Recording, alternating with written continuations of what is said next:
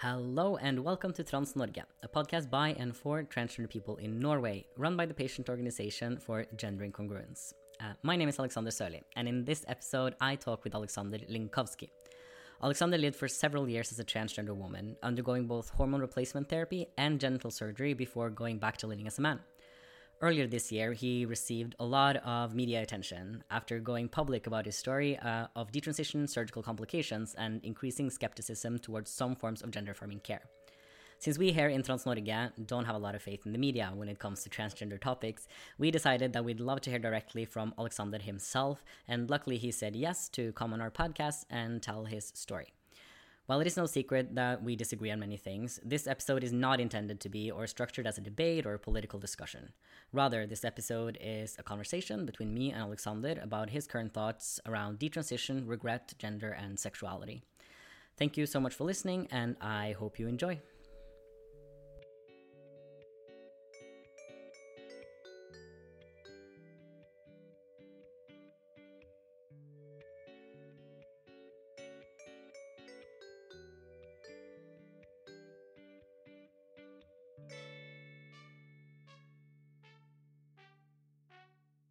But yeah, um, thank you so much for coming. Well, it's my pleasure, of course. Um, maybe you could just start with just like quickly introducing yourself, like your name, and if you have any thoughts around pronouns as yeah, well. yeah, sure. So uh, my na- my name is Aleksander uh, Aleksander Linkowski. I'm a well, what I usually would call a detransitioned male. Um, personally, I don't really like the word uh, detransitioner. Like, you know, a sort of like, uh, maybe you can relate to that, but uh, just for the practicing, like for practical reasons, when I would refer to you, I would just call you a man, not a trans man, even though, well, factually, you are a trans man, right? But for simplicity's sake, I w- wouldn't do that. So I don't like go around calling myself detransitioner. But you know, if you want um, get attention around this topic, well, algorithms are oriented so that you have to uh, use that term in order for it to get any attention at all. And I think it's I think it's an important topic. You know, it's not my favorite topic, but so yeah, I prefer the detransitioned male to uh, detransitioner. And well, pronouns. I don't use any pronouns. So Okay. as a, I'm, I'm like, you can call me whatever you want, right? Because Okay. I, um, well, my take on it is that um, it's not up to me to decide what other people want to call me. So I just let people call me whatever they want. Um, and also, I don't identify as anything. Like I don't ident- identify as a man or a woman. I'm just I, I accept like my biological reality as a male, but beyond that, I think we should move like beyond gender, just transcend it completely. Mm-hmm. And I you know I see you have three categories of people, or actually two usually. Those who are so uh, trapped in this uh, biological way of viewing sex, and then there's a group of people like uh, a, a, lot of trans people who like, sort of transcended sex and are in this on this gender level, and I moved even, even beyond that. You could say like I.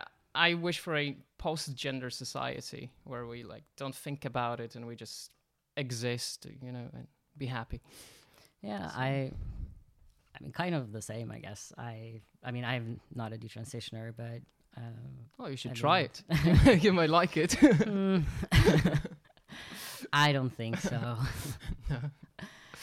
Even though I feel like I don't have that strong of Mm. Uh, a gender identity as I used to have, but I do think Mm. that that for me has more to do with just the fact that I'm like really comfortable in my body, and so when I'm very Mm. comfortable in my body, it kind of becomes more neutral, and so that idea of constantly like feeling like a man or feeling like something kind of goes away. Um, Mm. but uh, for the people who are listening, how would you like define like uh, detrans or like detransitioner? Because that term is used like a little bit. Um, uh, people use it in different ways, right? Sometimes Mm. people like include, you know, desisters, um, Yes. and sometimes they don't. Uh, well, well, it's like the main difference between a desister and a tr- detransitioner is a disease desister is something who uh, didn't go on hormones or didn't have any surgeries, just live socially as uh, the opposite gender and uh, s- sort of detransition or desisted. Whereas a detransitioner is used for people who have actually been either on hormones or had surgeries. Uh, personally, I uh, don't really use the word desister.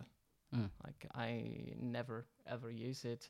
Um, It- so you know, I think that there is not like one right way to detransition. Just like I don't think there's like one correct way to transition. And I think we should move away from this sort of thinking that well, in order to transition, you know, you have to you have to take hormones, you have to do those surgeries. I think a lot of people can be happy either with just being on hormones and even without taking hormones, just transitioning socially. You know, I think it's so so individual, and it's um, the same case with detransitioning. Like I know people who have detransitioned who still take estrogen, who still present female, but they have detransitioned. Like they no longer uh, like they're like no longer calling themselves uh, a woman. Let's say they're like go back to calling themselves a man. They detransitioned in that way. So there is like not one right way to do that, and also a lot of people telling me that I haven't really detransitioned because I'm I'm not on testosterone, right?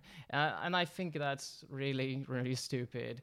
And uh, then there are people who are just asking me, when are you going to get the uh, uh, like recreation surgery, right? And uh, well, the thing is, like, I've learned my lesson with surgeries. I think there's a lot of danger to that, and I think that the results you get are really, really not worth it, considering all the complications. And uh, I wouldn't get back a real thing anyway. Like, it's there, there is no going back in that sense. And besides, I, like, I never liked having a penis, so in that sense, I'm, I'm okay living without it. You know, it doesn't bother me. um, we don't have to talk about it for like a long time, but can you give a, just kind of a brief explanation of sort of why you transitioned in the first place and sort of what your feelings were about that, and then maybe later about sort of coming to the realization that that was Mm. not the thing for you.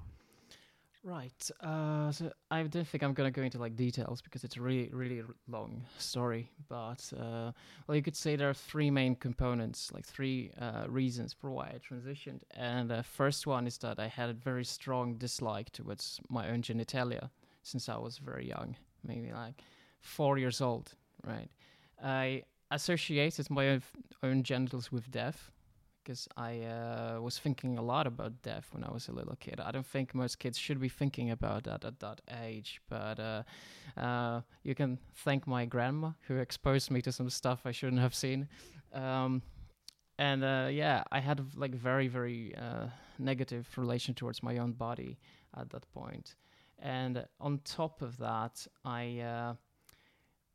I was like, you know, I never was like stereotypically masculine, like far, far from it, and uh, just I had like some experiences uh, that were not like typical for a boy. Uh, like I would I would paint my nails when I was eight, and uh, when I was nine, I was pretending to be a wife of one of my classmates. Right, you know that, that- yeah, it is. It is cute. You know, I, I look back at it. It's like you know, it's a it's a normal ch- child behavior. I don't think we should be pathologizing things like that at at all. And um, you know, for me, um, another thing is, I grew up in a very like conservative and homophobic uh, environment. Uh, that was, you know, had this prevalent macho culture to it. And uh, if you're a guy who just doesn't fit into that mold, uh, you're gonna have a pretty hard time. Uh, on top of that, I also did hit puberty later than others, so I was like smaller, and I, I looked like a kid, and uh, you know that made me uh, target for uh, a lot of bullies, and I was bullied well mostly because I was being too feminine, right?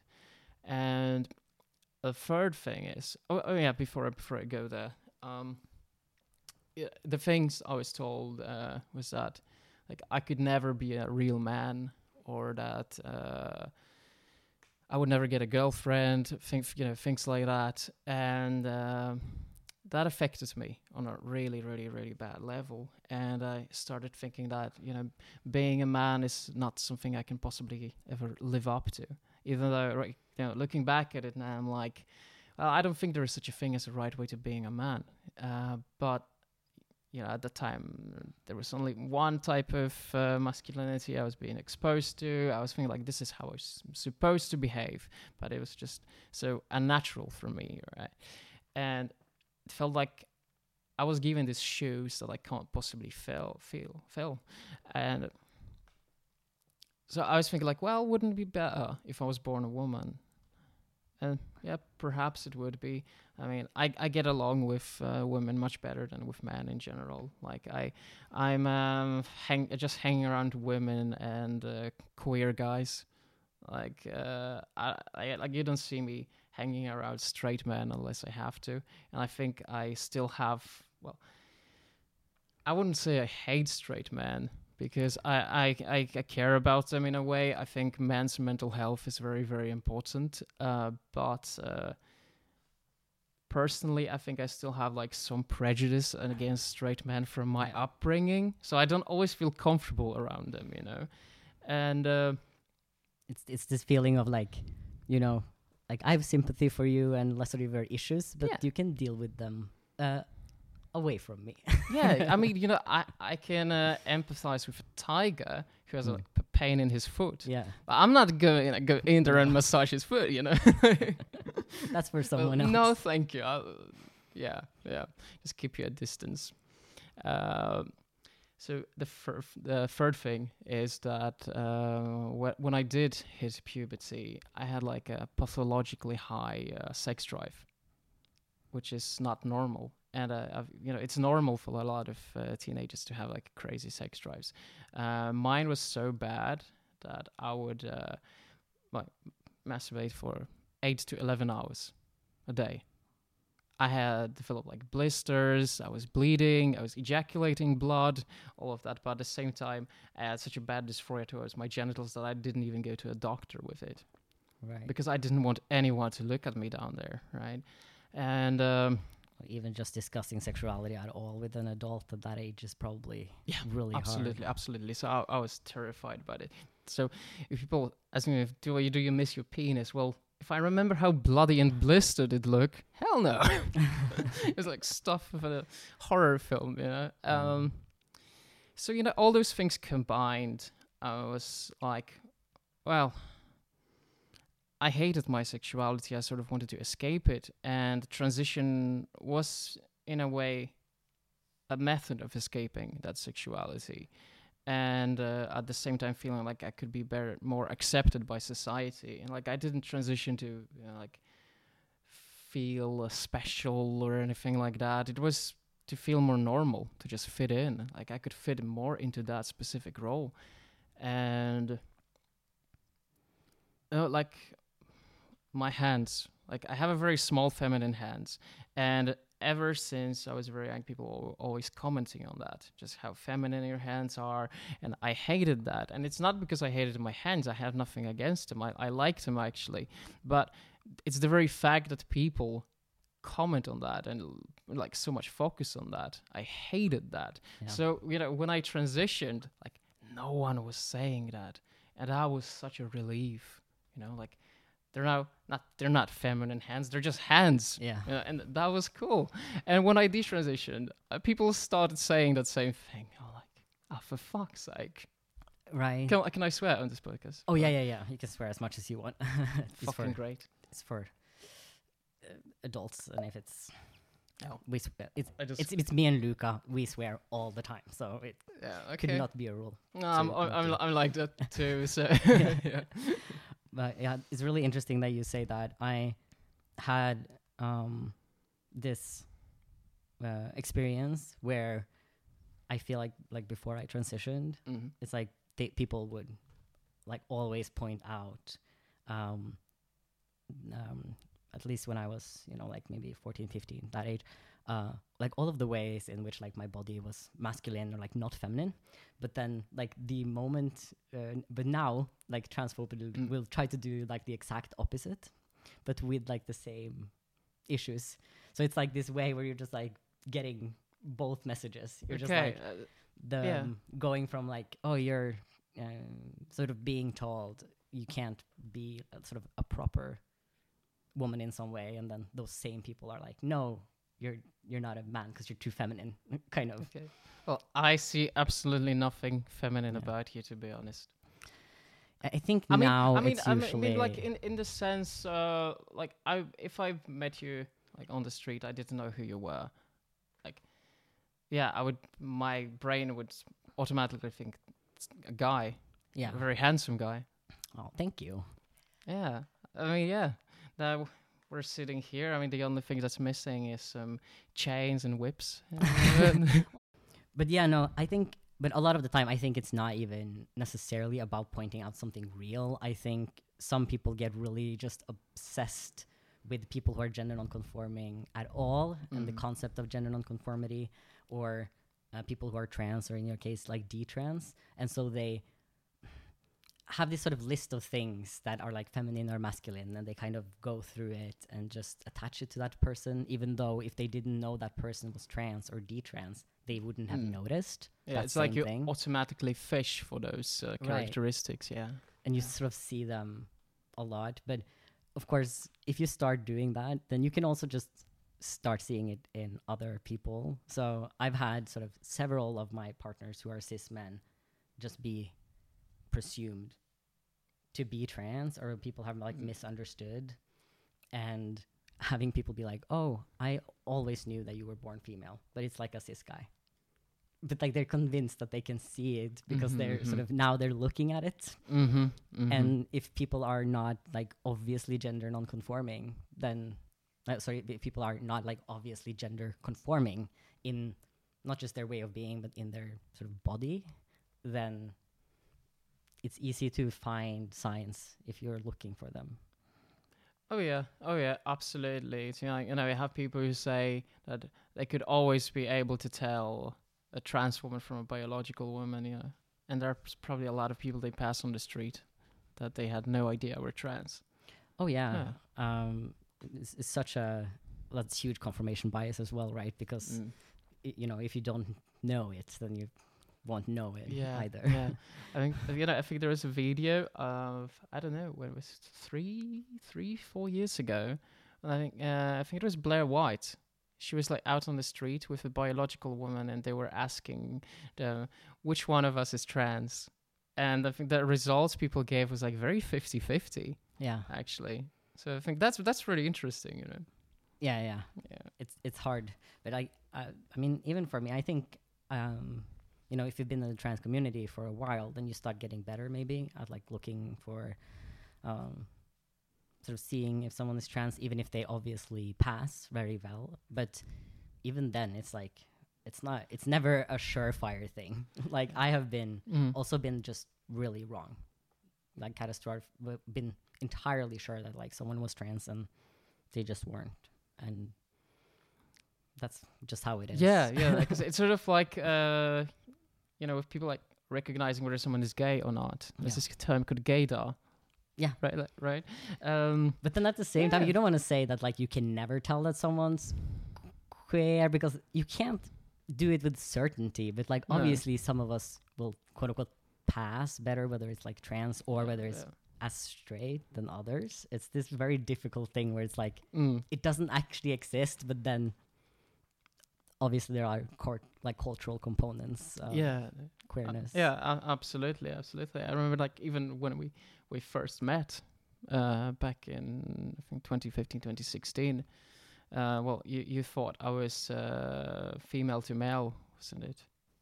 yeah, I I believe that, and I also like didn't think about it. It made me very confused when like Mhm. someone sent me your video. I think it was before they did like an official newspaper thing about it, and Yeah. um, I was very confused listening to. That was my primary reaction because I thought that you were uh, a trans guy.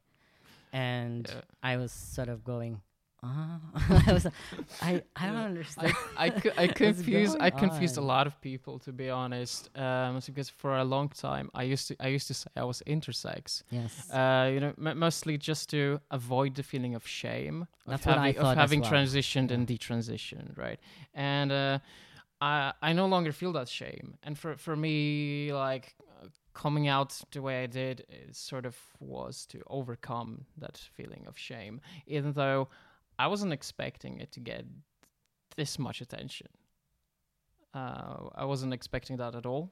Uh, but you know, I think in a way it helped me uh, to just move on and and accept, you know, uh, what I am, what I did, uh, because I tried to like run away from it for a long time, and uh, but at the same time, I sort of had a f- this need to talk about it with people, but also didn't want to reveal the truth. So sort of talking about intersex conditions sort of felt like I was like almost able to talk about it with someone uh, w- without revealing everything. because I did do think we did talk about that. Um, Yeah, yeah, we did. so that we was did what I- actually. Yeah, I uh, believed as well. That was, yeah, that you were intersex and you had had some sort of surgery, but that like it was in your childhood, and that you were like assigned female at birth. And I don't remember exactly if you said that last part or not, but that was very much sort of the um, the idea that I had. But do you feel like that uh, was that because you were like living as kind of stealth when you were living as a woman and then you like detransitioned or was it more about not wanting um like was it the detransition part that you were like ashamed of first kind of or the Um, trans part f- f- it was it was a transport, and I was I was like living stealthy. right uh, as a as a trans woman, Mm. right? Like mo- most people had no idea, uh, like I was trans. I remember when I went to my doctor, and it was like my first appointment with that new doctor, and when I first even mentioned that I was trans, it was like, "But you look like a girl. You can't be trans." yeah. it's, yeah, it's it's funny, but like yeah, no, I've I've managed to uh, pass somehow, mostly because I uh, I, like I didn't develop particularly masculine, like I didn't have like strong masculine features to begin with, so it's easier, and I I think you know it's much easier with that. I, like I think general rule of thumb is that if you pass well without hormones, you will pass well on hormones, well yeah obviously, right?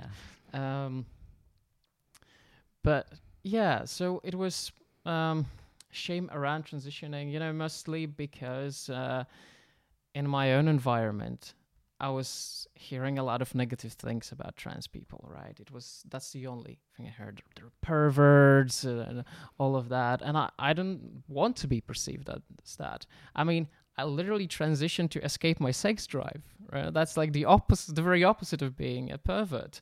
Um, so there was definitely shame around that, and uh, it just feels so good to move on beyond that shame. I don't think anyone should be feeling shame ar- around, well, whether being trans or gay or detrans or anything really. Yeah, yeah. That's that's actually really interesting because I haven't thought that much about um like detransitioning when you're stealth. Because that does add another layer to the conversation where yeah, you have to consider what you had to consider, right? Which is like okay, well, these people don't even know that I'm trans. So mm-hmm. if I detransition, then it's not just the detransition part. I have to disclose the trans part first, and that's that's a lot. At the yeah, same time. absolutely, absolutely. And I wasn't disclosing the trans part. Yeah. So a a- lot of people uh, just assumed I was transitioning from female to male. Like the first time, uh, but it, you know, it wasn't my first rodeo. Yeah, so, um, and it's not like uh, it happened overnight. The uh, the detransition process, because I went through a long like androgynous phase in between the two. Yeah. So I think I think like in between uh, like 2015 to 2017, I had this androgynous phase before I, uh, yeah, actually like I wouldn't say that's the point where I detransitioned, but that's where I felt more comfortable uh, just seeing myself as a guy. And it's it's not that I was unhappy when I was uh, when I was trans. Yeah. So I, I don't like to say that I like regret my transition. I regret the surgery, and I think a lot of trans people who had the surgery and had really really bad complications will relate to that as well. Uh, I think regretting surgery is not something that is uh, exclusive to D-trans people. Trans people have experienced that as well. But transition itself, I think uh, it was a very important part of my own journey of you know just learning about myself. So Mm. I, I wouldn't be the person I am today without that part of me. Know? So, and that that's another problem I have is like with the Norwegian language, there is no term for detransition. Yeah. So they will always say uh, regret the surgery. And the thing is, like, you know, uh, people who detransition, it's a very diverse group of people. Who people who uh, detransition for so many different reasons, right? Sure, uh, a lot of them regret, but there's also a lot of people who do so for economic reasons. Uh, there are people who detransition because of uh, m- well medical health issues they had because of uh, HRT. Hmm. I have talked to several people who have taken HRT for like 20 years and have developed uh, such bad uh, side effects that they had to stop. Yeah, so it's it's not like it's just one thing, and uh, the media will just in Norway would call it all like regret yeah. and I, I don't really like it. And like you know, even with my case, there was just like, uh, this person regrets their transition. Da da da da da. Uh, I think that's uh, re- misrepresentation of uh, my own take on this uh, issue. Yeah. You know? It's. Um, I was actually going to ask about that because you know angrere is often used uh, if you're going to try to like translate detransition, but like you said, those aren't really the same thing, right? Because people can detransition, um, yeah, for a number of different reasons, and a lot of people detransition don't necessarily feel regret, which can for some people mean like that they're actually like happy uh, that they did what they did uh, and happy with their body and stuff like that, or it can be instances where maybe they've sort of wished that they hadn't, but they're accepting it now. But on the other side of that as well, right, which is that like people can experience regret with regards to, for instance, specific surgeries, um, and still not be a detransitioner. They can be happy living as you know trans people still in the same gender role that they're in and feel regret for instance uh, you know uh, having uh, been sterilized or something like that it's yeah the, i i really dislike the the Mm. norwegian term like Yeah, angring i i yeah. think it's it really It it doesn't represent the the whole picture, to be honest.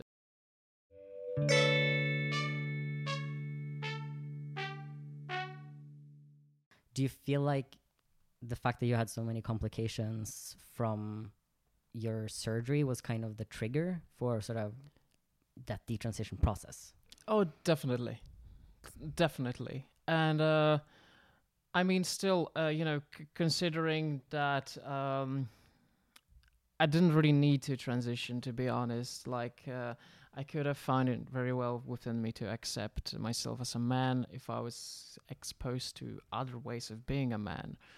But uh, the surgery definitely like helped me get there, and uh, even though you know uh, the complications suck but um, it makes you think, sort of, you know. So I started analyzing uh, myself, looking back at it, and I had, I remember this day very you know, vividly when I was thinking, like, you know, what, I'm I'm a feminine guy, and I think that was when the moment I had that thought was the moment where there was like no going back from there. You know, when you start thinking about it, and generally, you know, I think it uh, was like better for me to just accept myself instead of changing myself like that. And uh, you know, also I'm not the person to uh, be going out there and telling other people what they should do. I am not the kind of person who will uh, go to someone and tell them, "Oh, you sh- should." You shouldn't transition because you're gonna regret it. You know, I think it's very individual, like from one person to another. But um, yeah, in in my case, it was just like accepting reality, and uh, I also think that there is more than one way of treating gender dysphoria.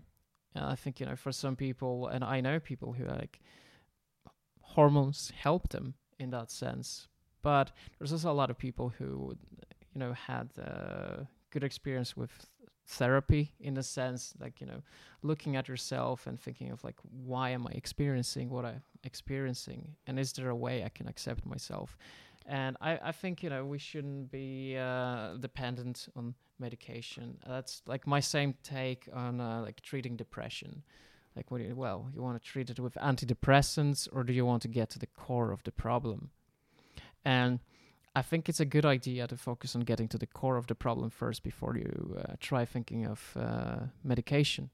Do you feel like so you um, had gender dysphoria? Well, to some to some degree, yes, and uh, I think it came from two sources. Sort of one was like there to begin with, but that was just towards my genitals, not the rest of me, uh, where I developed uh, the other part of dysphoria is basically from uh, env- like environmental factors, you know, considering like how I grew up and bullying and all of that. So, because uh, I I don't think uh, I don't think there's like one way of acquiring that. I think it's can be something you're born with, but it can also be something you actually acquire f- throughout your life. You know, so for me it was a combination of both, sort of, uh, and you know, I had people telling me I never had gender dysphoria because uh, their dysphoria was like worse than mine. And yeah. I, I mean, definitely like the same with like autism. Like I'm, I'm on the spectrum, but someone could tell me like, you don't have autism because it's not severe autism. Yeah.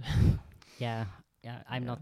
I, I hear that too. I also hear people sort of saying, you know, people weren't really trans, stuff like that. I, I think that's almost impossible for someone outside of that person to really make mm. like a meaning like to say anything meaningful about you know? Like if that person feels like descriptions of gender dysphoria or transness sort of feel genuine to them like that's something that i relate to feel like that's ex- an experience that i had.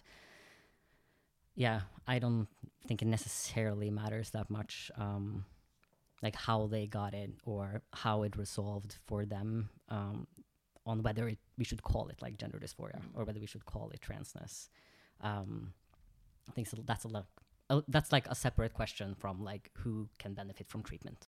On that note, I'm curious if you have any sort of thoughts about how like the that process or like the uh, sort of healthcare system should be in order for you know people like uh, you to sort of get the treatment that you need um, or sort of not get treatment that you don't need mm-hmm. um, but that can also make sure that people like me get the treatment that i need.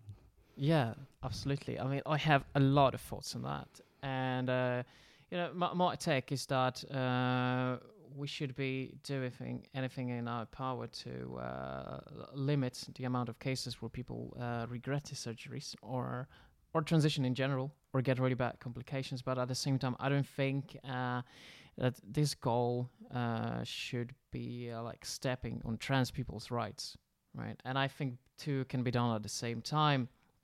Like I'm all for a big ref reform in this country regarding uh, like the healthcare system around like trans people in general and i think uh, you know if um, trans people and detransitioners work together to get that like what's be- what works best for both of us that that will be perfect and that will be a beautiful way to build this bridge as well because the media uh, like represents us as being against each other you know they uh, present us as being enemies yeah. and I, I don't think that has to be the case you know and uh, like I think it's largely not the case just because yeah, most exactly, exactly.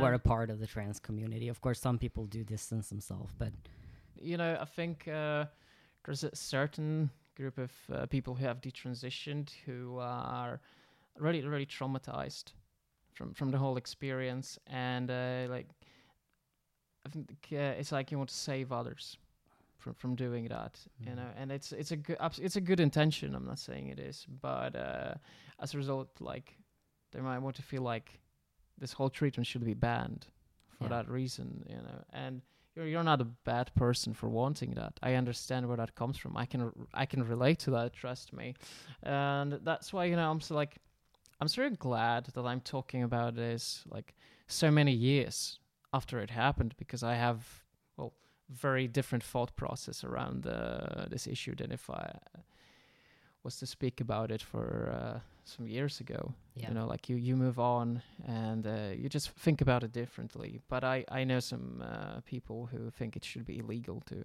transition at all. Oh yeah, yeah, yeah. I've s- definitely seen some detransitioners that say that uh, for sure.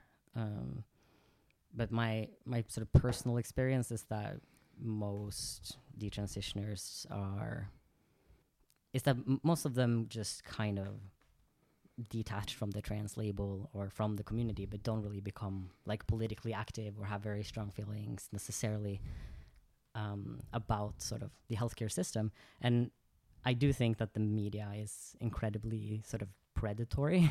Oh yeah, Um, definitely, one hundred percent. You know, uh, also most detransitioners they're not as uh, involved in it as I am, right? Like Right. I'm, I'm probably like the most like politically involved in the detrans stuff, like in this whole country. oh, for sure. Like there, I don't think there's anyone else who's like on my level there. No. We would know, surely. Yeah, I mean, I- between the I- two of I us, don't- we would know who that person was. I don't like, I don't like competition. Imagine if there was like there, there actually was a detransitioner, but like neither you nor me had like managed to like Well, well, that's what you call stealthy, right? yes, but then they would be very bad at like being p- a political yeah. detransitioner. Yeah. if It's like, none of us had known. Stealthily, I became a president. Nobody knows about it. Um, but yeah, do you find that to be a little bit like dip, uh, because that kind of also means you're kind of a representative, even though rep- being a representative is like Uh, really hard, right? Because it's like What does that I mean, even like, mean? Who, who am I representing exactly? Yeah. Right. And uh, well, y- you know, like for me personally, I think uh, like one particular group of people that are like main interest, as in who I who I want to reach and who I want to help, are uh, young people with internalized homophobia.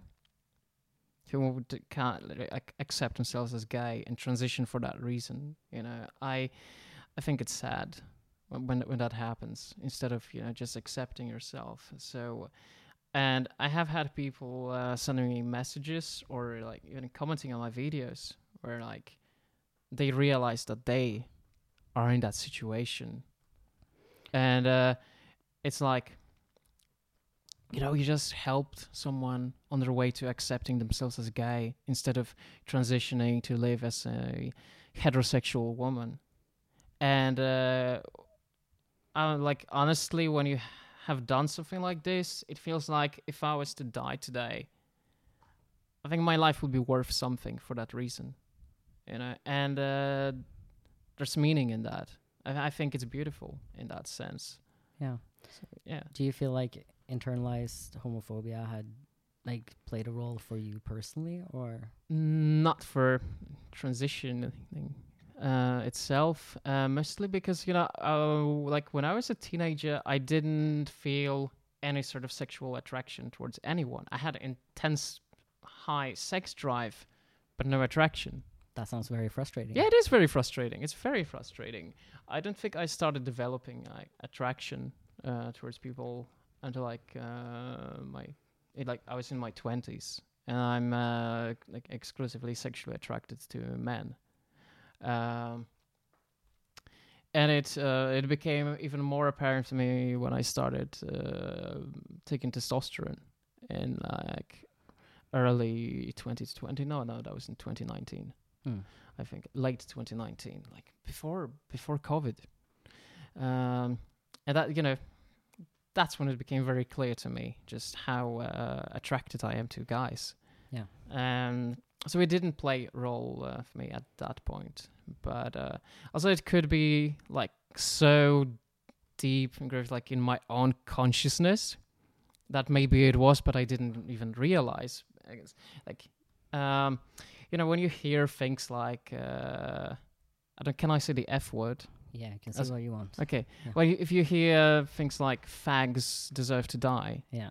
you know, from like you're from the time you're like very young, that that gets to you, you know. Yeah. So um, yeah, you could say that I was homophobic for uh, for a while, but not not in like the sense that oh I hate gay people, I think gay people are nasty, but more like uh, yeah I'm cool with gay people, but I'm not gay. Yeah. Uh, you, you know what I mean? Um, and it wasn't until very recently, uh, actually this year, that I even like fully, fully came to terms with that. You know that I still like call myself bi. I don't know Yeah. why I do that, but I do that all the time. Uh, most mostly because like you know, um, if you think of my history, I have been mostly dating women, Mm. but it was well, like well. Uh, I don't know, when I was 13, I was told I could never get a girlfriend, and it was like, Yeah. oh yeah, l- let me show you, right? So like, I was dating women just to prove something yeah. in a way, and uh, I don't do that anymore. I think it's stupid, Yeah. but it, yeah, it was. It's, it's a little bit different, but I, I totally, I totally did that too, because I felt also very strongly that a huge part of being like a, when I came out, a huge part of being a trans man was like being a man in a relationship with women.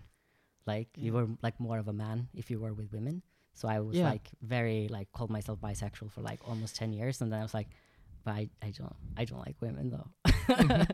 no, I mean, I, I'm I'm like that too, and I f- I felt that when I first detransitioned. Yeah. like I should be I should be dating women, and uh, it was just a couple of years ago when I would like go on a date with a guy I met on the internet. Yeah. I was like, it was fun, it was cool. We like uh, go to his place, make out, things like that, and I was like, you know what? I shouldn't be doing this. I should be dating a woman. So Yeah. I would just end it. Like, no, sorry, I'm straight. Yeah. Like, sure, buddy, sure. it's, it's it's very straight to go on dates and make out with men, you know. yeah. All the straight Yeah. boys do it. Yeah, you know. oh yeah, that's interesting. I mean, uh, we we don't um, have the time for for this um, now, but it would be so interesting at some point to talk about like your just, just like dating experience and stuff like that as like a, a detrans man because mhm. it's um I kind of I, I imagine there may be uh, actually probably is you know some similarities between that and Uh, like uh, someone like me I guess Ab- absolutely. Um, you know, there's uh, sort of the same uh, problem of should you disclose it or not. Right? Yeah, it's like that. That is exactly the same. You know, whether you're uh, trans or detrans, it's like you, you can't escape it, even if de- detransitioned. And uh, in many ways, you know, you can't really escape that at all. And that was also one of the reasons why I uh, I made uh, the video this year about it because I was I was studying uh, occupational therapy uh, for a while, and uh, this practical exam we had, uh, we needed to uh, meet up in like our underwear. Uh, it was an anatomical exam, so we Oh, had yeah, to yeah, like yeah, yeah, and then you, you had to like use other person's body yeah yeah for like uh, yeah anatomical purposes, As not not sexual purposes, but yeah, really? yeah, yeah, yeah. Ah, And then yes. after your exam, you would be the model for the next student. Right. And I was like, if I do that, everyone will know that there, you know, something is different about me. Yeah. And uh, I dropped out oh no of those studies for that reason. I was like, you know what, I'm not doing this. Fuck this shit. And uh, that was the moment where, like, you know what, there are certain things you can't escape from. They Yeah. they will always follow you, and that was the main reason why. Shortly after, I uh, I decided to just go on YouTube and do that shit. yeah, Yeah. there's there is something freeing about that Oh yeah, absolutely, absolutely. Like you're breaking all those chains. yeah Yeah. no no for sure um just like before we um go towards the end you have made a new organization right for detransitioners or planning to Uh, well, I did, but waiting for uh, the so-called organization number so we can open the bank account because there's uh, very little you can do as an organization without a bank account, right? So uh, yeah, yeah. So we're waiting for that, but it exists, and the name of the organization is uh, Detrans Norge. And uh, uh, well, our goal is first and foremost to make the uh, the process of detransition easier for Okay. people, so that once you do that, you uh, don't you don't have to feel alone about it. And I know exactly what it was like being alone the whole about the whole process. So uh, to make this whole transition from t- trans to non-trans uh, easier, and uh, you know work to uh, limit towards limiting the amounts of uh, regret cases. Like how can we reform the healthcare system? And uh, also like building the bridge between uh, detransitioners and trans community in general through uh, you know uh, just conversations and diplomacy first and foremost. Yeah, that sounds good. Is it an organization? It's going to be a member organization. Uh, yes, yes, Yes. yes, it is. So, um, and when you talk about detransitioners, is that going to include sort of also like, is it mostly people who sort of n- no longer see themselves as trans or going back to their, um, you know, uh, assigned gender at birth, or um, is it also an organization for, say, you know, like trans people who are like medically detransitioning and stuff like that? Uh, well, I, I think it's for all uh, detransitioners. So, Mm. like, no matter what is the reason for your detransition, uh, this organization got like something for you in it, and whether you're detransitioning for social or uh, socioeconomic reasons, or is it because of regret? Um, yeah, yeah, it's about that. I think we also, you know, want to uh, help people who have had complications due to uh, surgeries. Yeah. Yeah. In in my case, well, regarding complications, I feel it to this day because I can't run without feeling any pain. I can't really lift anything heavy without g- getting pain. Uh, I feel like a 70 year old man Yeah. in a 30 year old body, Yeah. and uh, it sucks. You know, it limits your life, your possibilities in many ways. Yeah, it Yeah. is. I read a little bit, yeah, about your case, and it seems to me like you've also been very unlucky, but w- in terms of your complications, and of course that's horrible. It does a lot with your quality of life. Like regardless of regret, just having those Yeah. kinds of complications are in themselves a very, in many ways, traumatizing experience. Yeah, and you know, I know people who have had uh, worse um, complications than me. Yeah, So uh, it wasn't that bad with my case, to be honest, compared to uh, some other stories out there. and Actually. unfortunately, a lot. Um, there's not a lot to do about it. I've had Mm.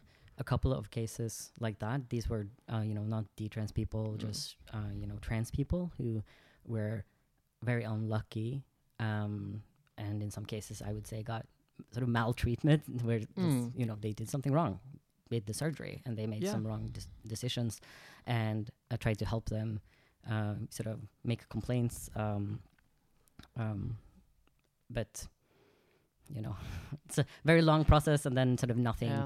uh, Bureaucracy at work. yeah, and, Yeah. and nothing happens. So all you get back from, um, you know, uh, sort of Rikshospitalet is the only ones in, in Norway that do um, bottom surgery, but just sort of getting a response uh, or Yeah. getting any admission that like anything wrong was done or um, even uh, or any form of uh, economic compensation and stuff like that is Yeah.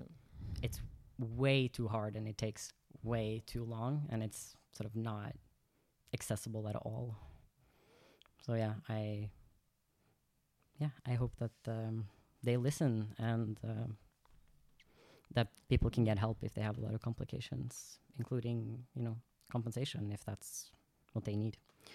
So, um, last thing before we um, stop, if there's anyone who is like listening to this and who are you know wondering if maybe they're a detransitioner maybe they're considering starting that process is there like any advice that you would give to them or any questions that they could ask themselves that you think might have helped you? Um, sure. Um, take your time and uh, think it through. I don't think uh, it's a decision that should be taken lightly, and uh, you know, I mean, it's a decision that affects your entire life from now on. Um, so, I know it can feel at sometimes that you should be at hurry, especially if you're transitioning from male to female, because masculine characteristics develop fast, and you might be thinking like, if I detransition later, I would never be able to pass as much as I was if I was younger.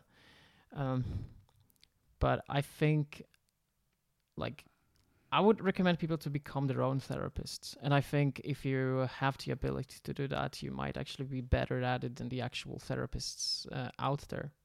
If you like truly uh, look at your whole life from and try to look at it from a neutral lens, because you, I think it is the case a lot of the time when you're thinking like, oh, I might be trans, you're sort of starting to look for the signs, right? Like, oh, I did this when I was a kid, so I it means I must be a trans, and that that was the case for me. Like with this story of me painting my nails when I was eight, um, and I think a lot of people who think they have a certain like uh, diagnosis, whether whether it's uh, bipolar or autism or borderline or anything, will do something similar. When you like you look at those uh, signs and you think like, okay, it means I have this, and it's very hard to be neutral about it because you have like your own bias right? And so, so did i uh, in many ways. Uh, meditate i think that can help one to look at things like uh, in an unbiased light actually it's just like uh, sort of disconnect from the ego in that sense yeah thank you so much and um, yeah, thank you for coming. Yeah, it was a pleasure.